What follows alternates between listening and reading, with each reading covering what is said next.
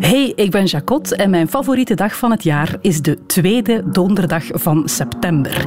Want dan worden de Ig Nobelprijzen uitgereikt. Dat zijn prijzen voor wetenschappelijk onderzoek dat je eerst doet lachen en dan doet nadenken. Maar als je niet tot dat kan wachten, dan is er nu Giraffes Don't Sink, een boek vol met dat soort onderzoeken, zorgvuldig bij elkaar gesprokkeld en beschreven door Kim Verhagen. Welkom bij Voorproevers.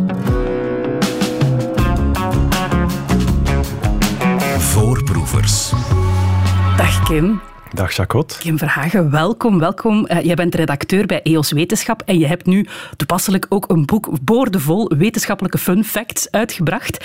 Uh, of zoals de cover het zelf zegt, Giraffes Don't Sink and approximately 137 other fantastic insights from science. Klopt. Uh, waar die approximately, die ongeveer op slaat, daar komen we zo meteen nog op terug. Maar laat ons vooral beginnen met de eerste drie woorden op de cover. Giraffen zinken niet. Ja. Leg eens uit, Kim. Het is een, een vraag waar je inderdaad misschien niet zomaar bij komt, maar het is wel een geniale vraag, want zo goed als alle zoogdieren, uh, dieren met, met vier poten, kunnen zwemmen. Uh, van de meeste dieren is dat ook waargenomen dat die zwemmen. Giraffen heeft nog nooit iemand zien zwemmen.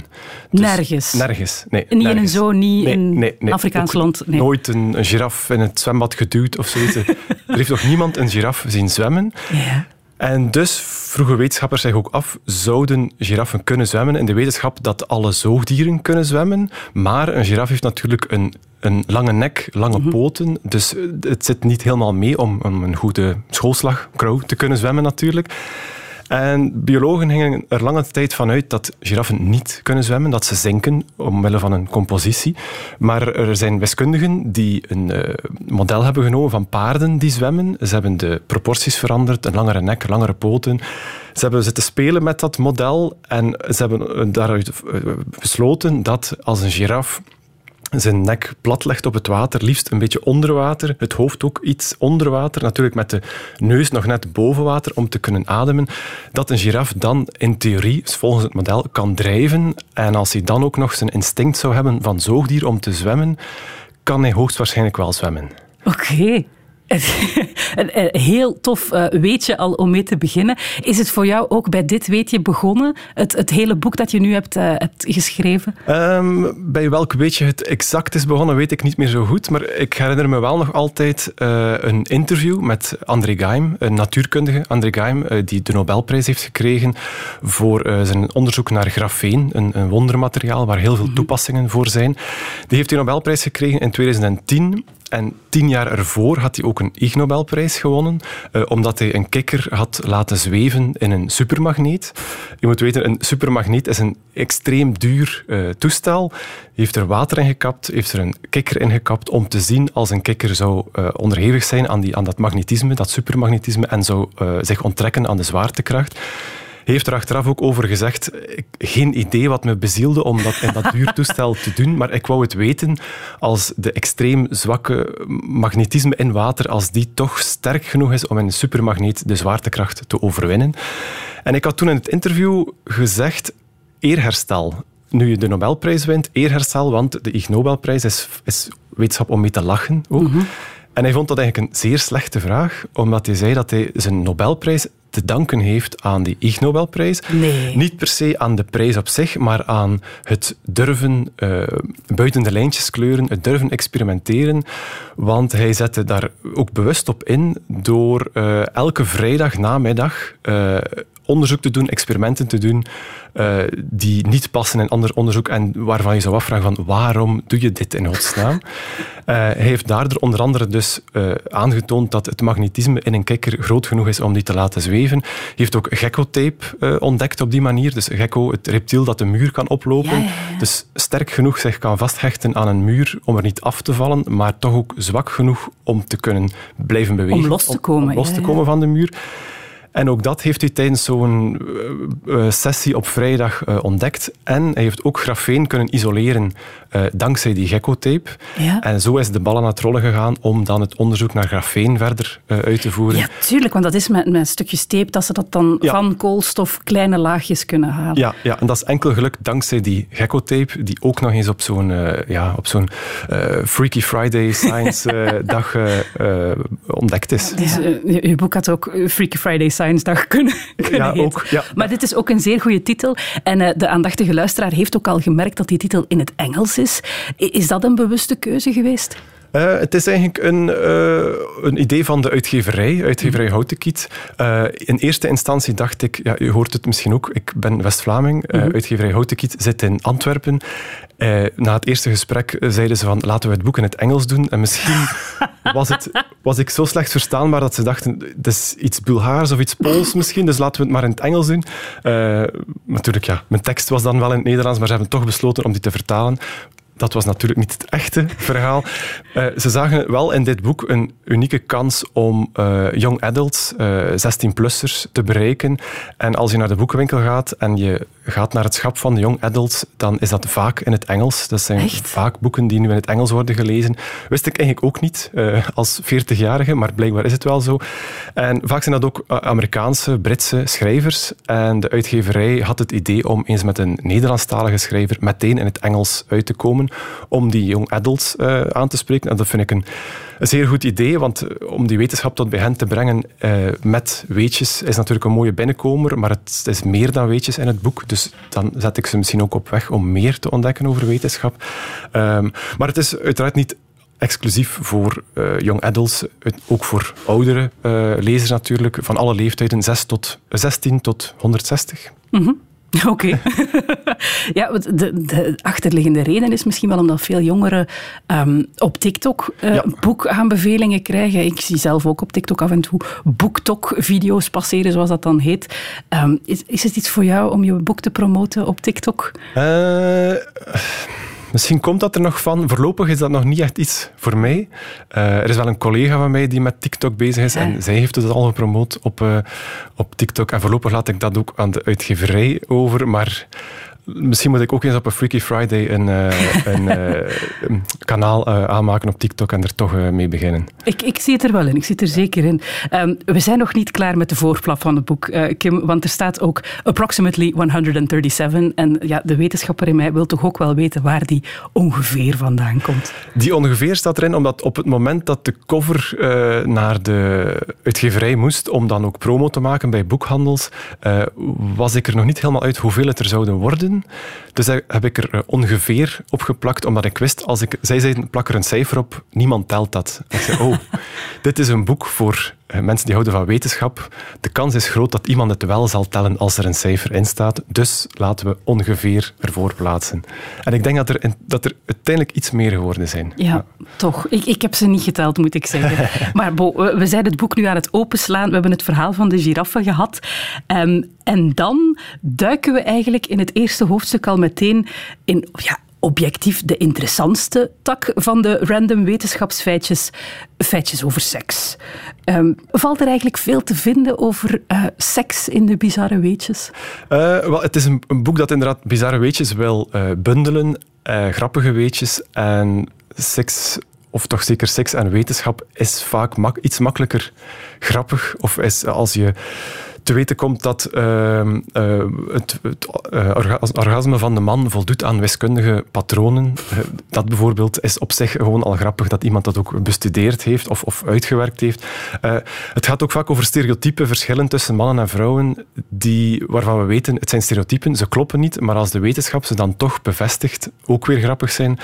En daarvan is bijvoorbeeld een onderzoek dat aantoont dat mannen die wijsgemaakt worden dat ze een kleinere penis hebben, een grotere drang voelen om een dure sportwagen te kopen, bijvoorbeeld.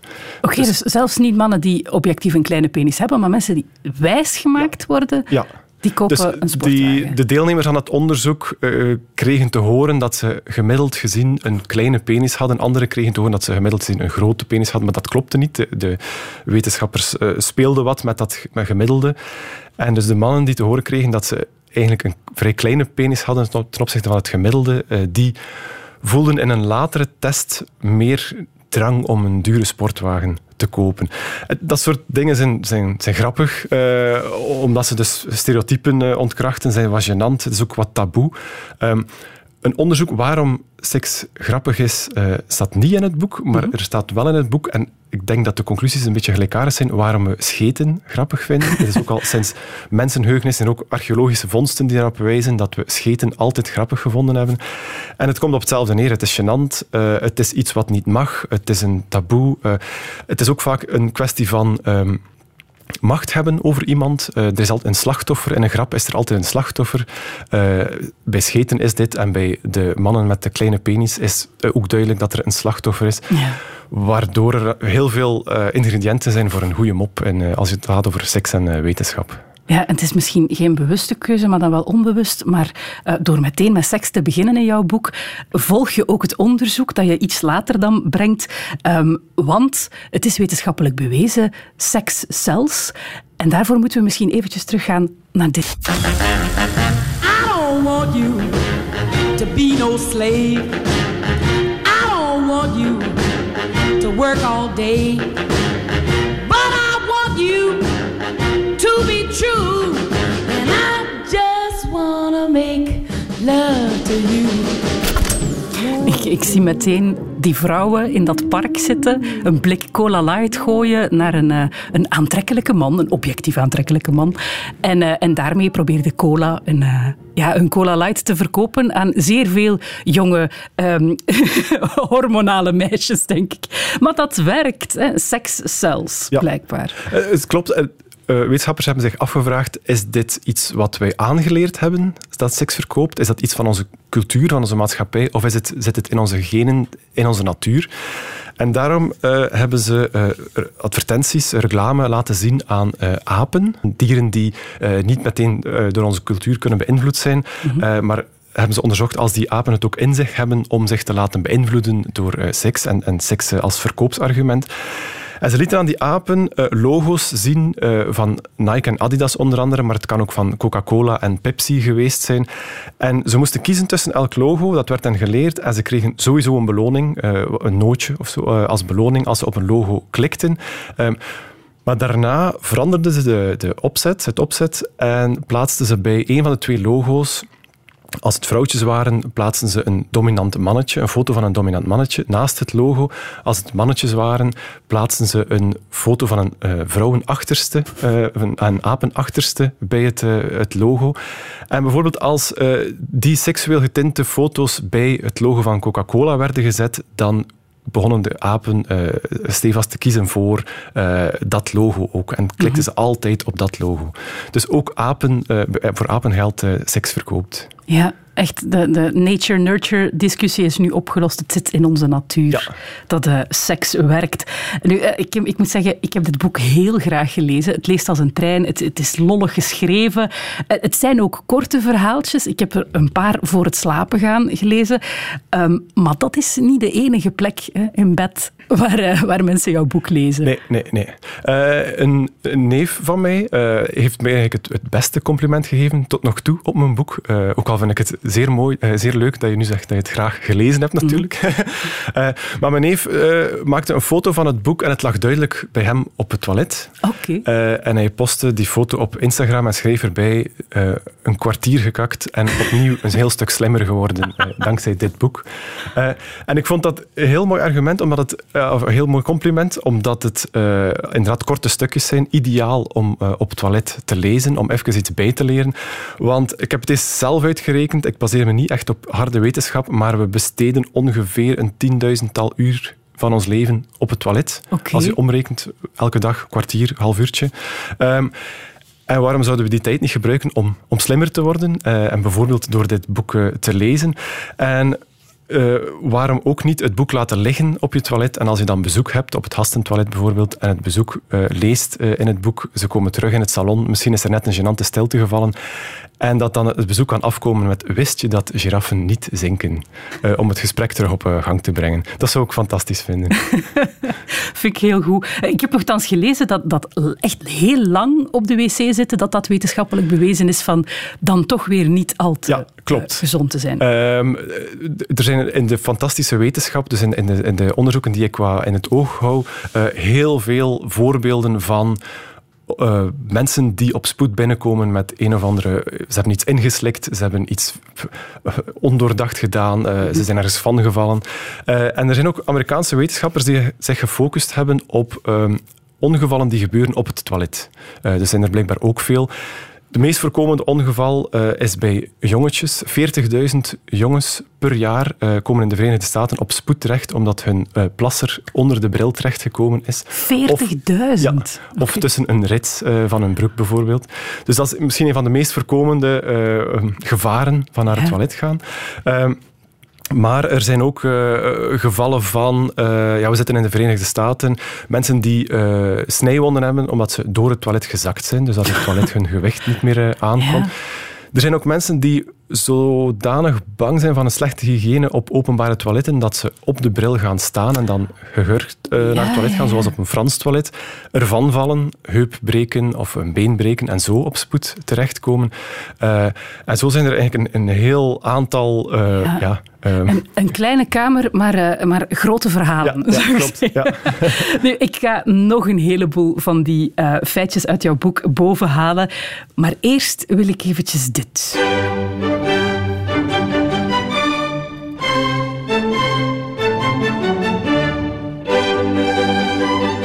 Herken je het, Kim?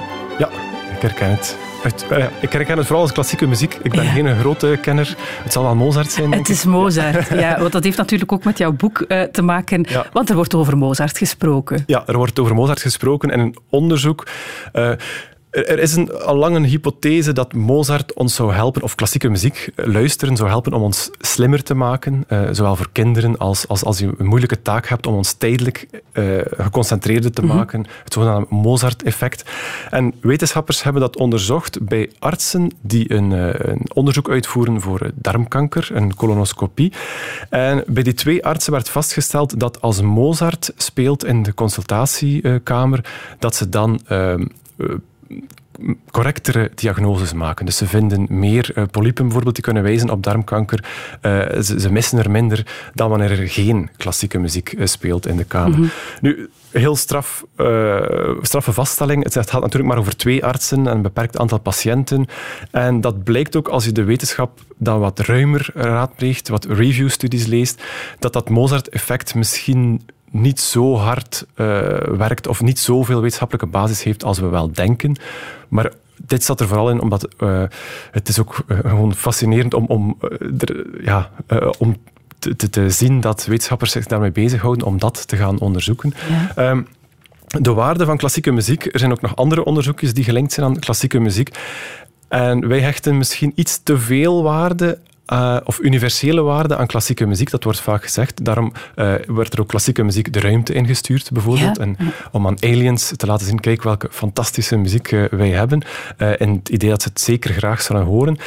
En ze, wetenschappers gebruiken ook klassieke muziek om bij dieren bijvoorbeeld vast te stellen of ze die muziek ook waarderen. En dat zou dan kunnen een uh, maatstaf zijn van intelligentie van dieren, want ze kunnen muziek uh, waarderen. Nu blijkt dat heel veel dieren onze muziek niet waarderen. En en dus per definitie dom zijn. En dus per, per definitie dom zijn. Maar uh, gelukkig zijn er ook wetenschappers die ingezien hebben dat uh, onze muziek niet uh, hun muziek is van dieren. Uh, dat dieren bijvoorbeeld op totaal andere frequenties luisteren. Voor een muis bijvoorbeeld doet onze muziek er totaal niet toe, want die, die, die hoort het ook amper.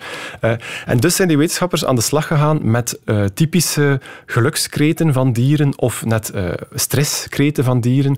en hebben ze op basis daarvan muziekcomposities gemaakt. En dan stellen ze vast dat dieren ook kunnen genieten van, van muziek. enkel bij krokodillen was het niet 100% zeker of die ook kunnen rusten chillen op, uh, op de muziek. Zeer, zeer fascinerend. Dat onderzoek van die chirurgen vind ik wel frappant dat het... Ja, het, het is een onderzoek dat op twee mensen is uitgevoerd. Dus het, het, is, het, maakt een hele toffe conclusie, maar het blijft dan toch een beetje teleurstellend, omdat we weten, ja, het is eigenlijk niet genoeg. Is dat iets wat je wel vaker tegenkomt bij die bizarre uh, wetenschapsweetjes? Ja, het is er vaak natuurlijk wel om gedaan om aandacht te trekken, dat is mhm. waar.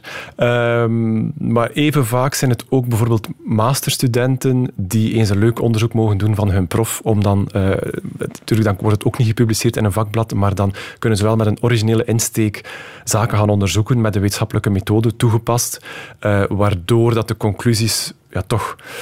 Ze zijn, ze zijn niet nagekeken door collega-wetenschappers, maar ze, ze zijn wel wat waard. Nu, de meeste eh, publicaties in het boek zijn effectief wel gepubliceerd ook. Mm -hmm.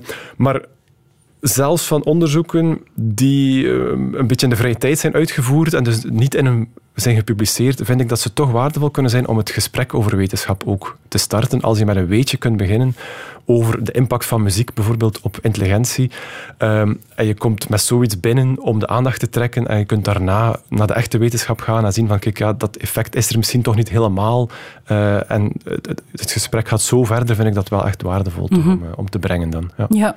en er uh, starten ook heel veel onderzoeken vanuit die muziek. Dat is, dat is ook duidelijk uit jouw boek. We hebben klassieke muziek gehad, maar metal is bijvoorbeeld ook een, een bron, omdat er naar gekeken is welk um, woord het vaakst voorkomt in metalnummers en welk woord dus het meest waar metal is.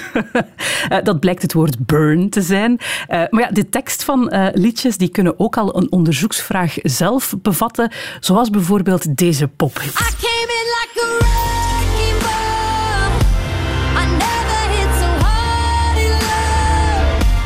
Wrecking Ball van Miley Cyrus, uh, waarin zij beweert dat ze een muur kan doorslaan als een echte sloopkogel. En wat heeft nu een wiskundige gedaan, Kim? Ja, een, eh, een, een Britse wiskundestudent uh, heeft inderdaad de tekst van het lied uh, onderzocht van kan een mens effectief in werkelijkheid dienen als sloopkogel om een muur uh, te laten omvallen. Hij heeft het berekend uh, en hij nam als voor Miley Cyrus dat ze ongeveer 70 kilogram moet, weten, moet wegen. Uh, en als je met zo'n sloopkogel een muur omver wil doen vallen, dan moet je haar aan een 509 kilometer per uur tegen die muur laten inbeuken. dus zijn conclusie was, ja, Miley Cyrus kan dienen als sloopkogel, maar vermoedelijk zal ze er zeer veel pijn aan overhouden. Wel maar één keer. Ja. Muziek is één ding, dieren zijn natuurlijk ook uh, een bron van vertier voor wetenschappers. Uh, zo heb ik in jouw boek Giraffes Don't Sink uh, ook geleerd dat er twee versies van monogamie bestaan. De monogamie die wij als mens kennen, maar ook de monogamie van de vogel. Ja. Leg eens uit. De vogel is voor ons, eh, voor, voor poëten, voor, voor verhalenvertellers, voor, romantici, is de vogel voor ons het, het beeld van de romantische uh, koppels. We hebben de tortelduifjes, de zwanen die altijd samen blijven. En dat klopt ergens ook, want meer dan 90% van de vogels vormen een koppel, op zijn minst voor een broedseizoen of voor de rest van hun leven. Uh, dus zijn inderdaad een blijk van trouwheid aan elkaar. Ter vergelijking bij zoogdieren is dat een paar procent van, ah, van de zoogdiersoorten blijven elkaar levenslang trouw, of nog voor één uh, broedseizoen of kweekseizoen. Um, maar uh, bij vogels is monogamie wel, het is hun eigen versie van monogamie, want uh, de vogels, uh, vader en moeder, zorgen effectief samen voor een nest. Maar als vader weet je nooit zeker, of is het zelden zelfs het geval, dat alle nakomelingen in dat nest van jou zijn.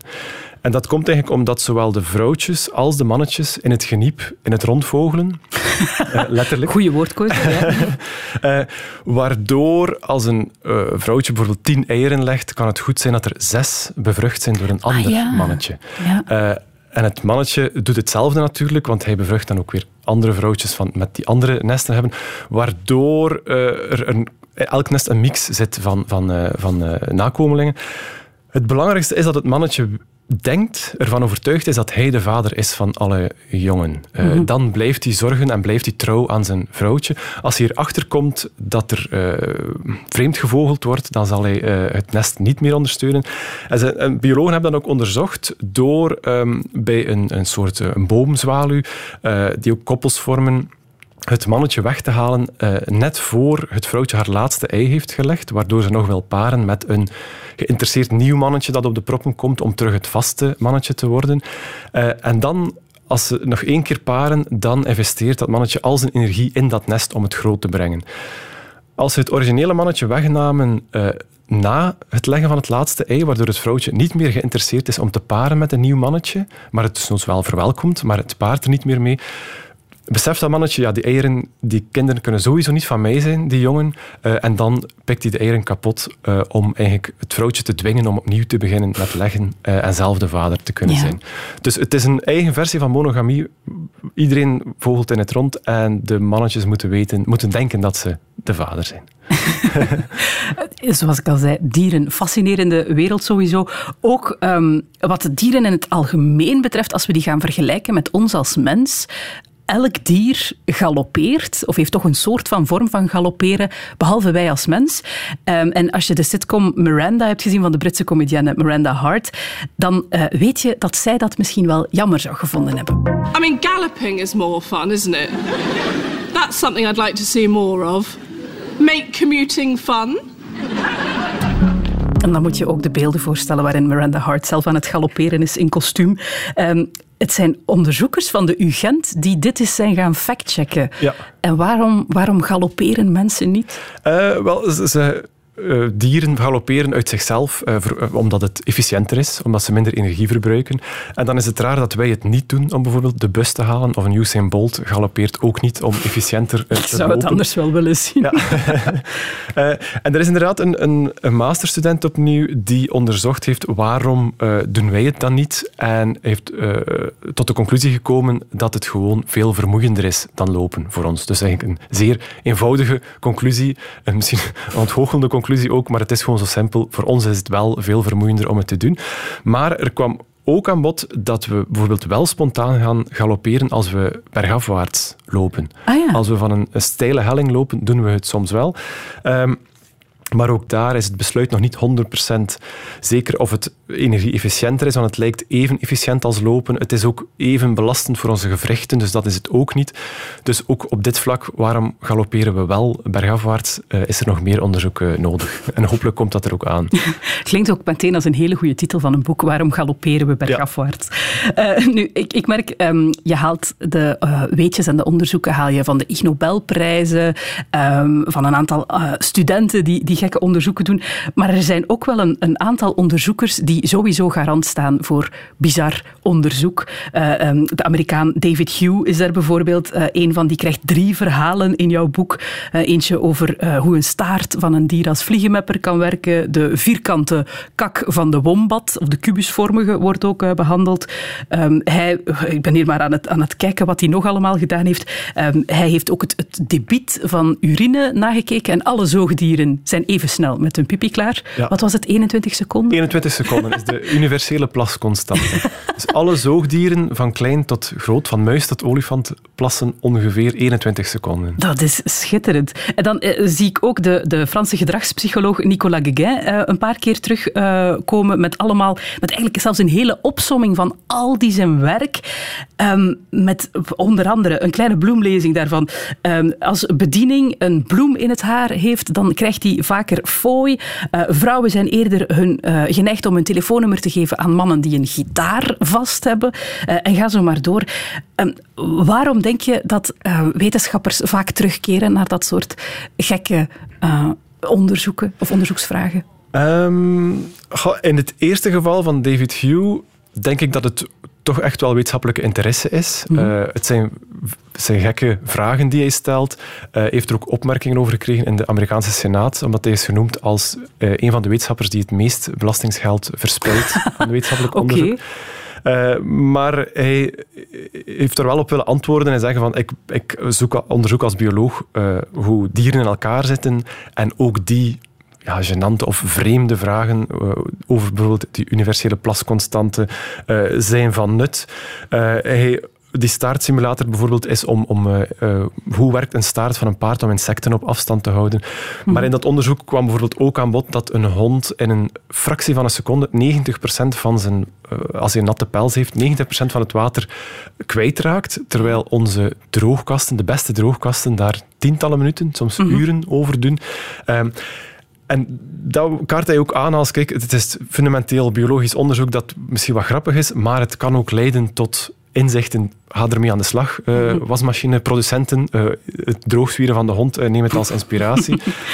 dus daar vind ik het wel nog terecht. Die Nicolas Guéguin deed heel veel onderzoek in uh, gedragsonderzoek. En dat zijn vooral onderzoekers die heel goed scoren uh, in de media. Dan mm -hmm. wordt heel makkelijk opgepikt.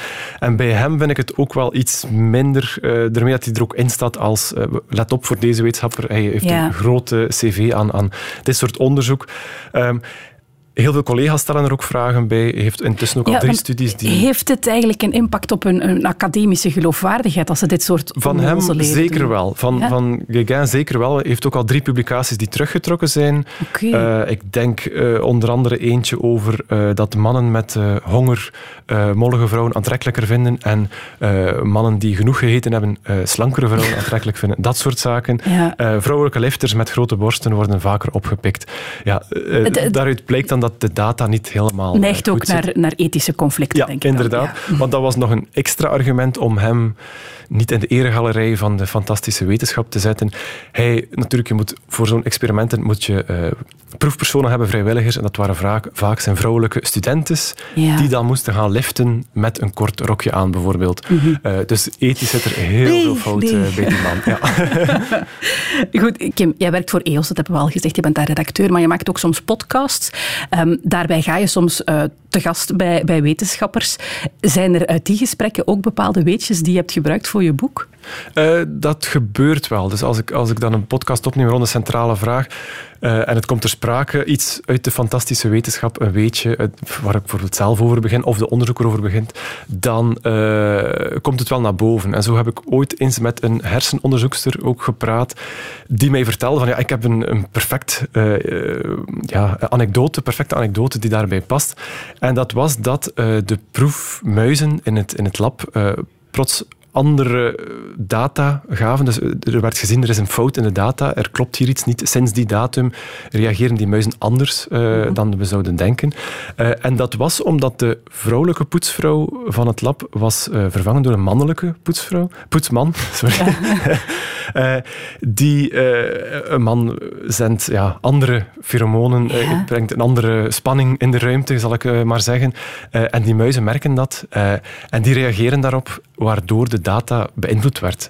Dus sindsdien is er een verbod voor mannelijke poetshulpen. Oké, okay, die mogen het verdiep niet meer op. Nee. nee. Schitterend. Kim Verhagen, heel erg bedankt voor deze babbel en voor jouw boek Giraffes Don't Sink. Nog meer weetjes vind je daar sowieso in terug. En nog meer voorproevers die vind je sowieso ook op VRT Max. Bedankt Kim. Graag gedaan.